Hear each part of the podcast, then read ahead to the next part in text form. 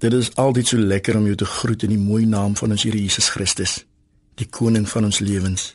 Wanneer 'n mens na die media kyk of luister en so 'n bietjie rondom jou kyk, ervaar jy nogal 'n paar dinge wat 'n mens tot onrus stel. Baie dinge is dit wat mense teenoor ander doen en sê. Misdaad en geweld is aan die orde van die dag.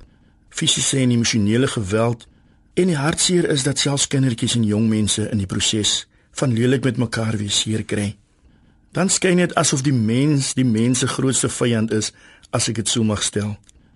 En die ironie is dat dit baie keer mense is wat eens op 'n tyd vriende was en selfs familie. Eerens het iets tussen die partye gebeur en nou heers daar vyandsgesindheid teenoor mekaar. En laasgenoemde gesindheid bring 'n hele klomp negatiewe dinge na vore, soos woede, haat en nait. En weet jy, so wil Jesus nie hê ons moet leef nie. Romeine 8 vers 13 stel dit so mooi. Julle moet niemand iets verskuldig wees nie behalwe om mekaar lief te hê. Jesus wil hê ek en jy moet die lewe in oorvloed geniet. Ons moet sy vrede ervaar.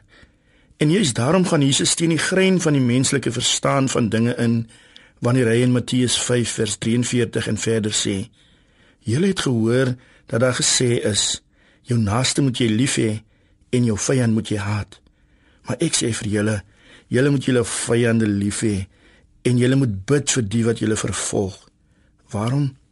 Sodat julle kinders kan wees van julle Vader in die hemel. Hy laat immer sy son opkom oor slegtes en goeies. Hy laat reën oor die wat reg doen en oor die wat verkeerd doen. As julle net die liefhet wat julle liefhet, watter loon kan julle dan nog verwag?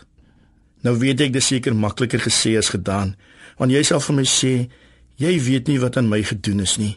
Dit was erg.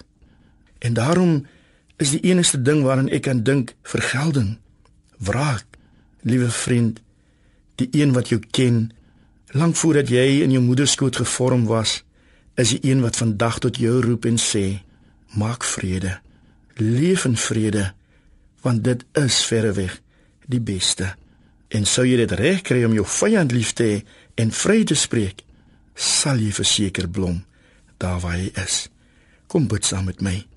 Here, ek dank U dat U nog soveel bemoeienis met ons as mens maak. Dankie vir die woord wat U vir ons gee en wat dien as rigsnoer vir ons lewens.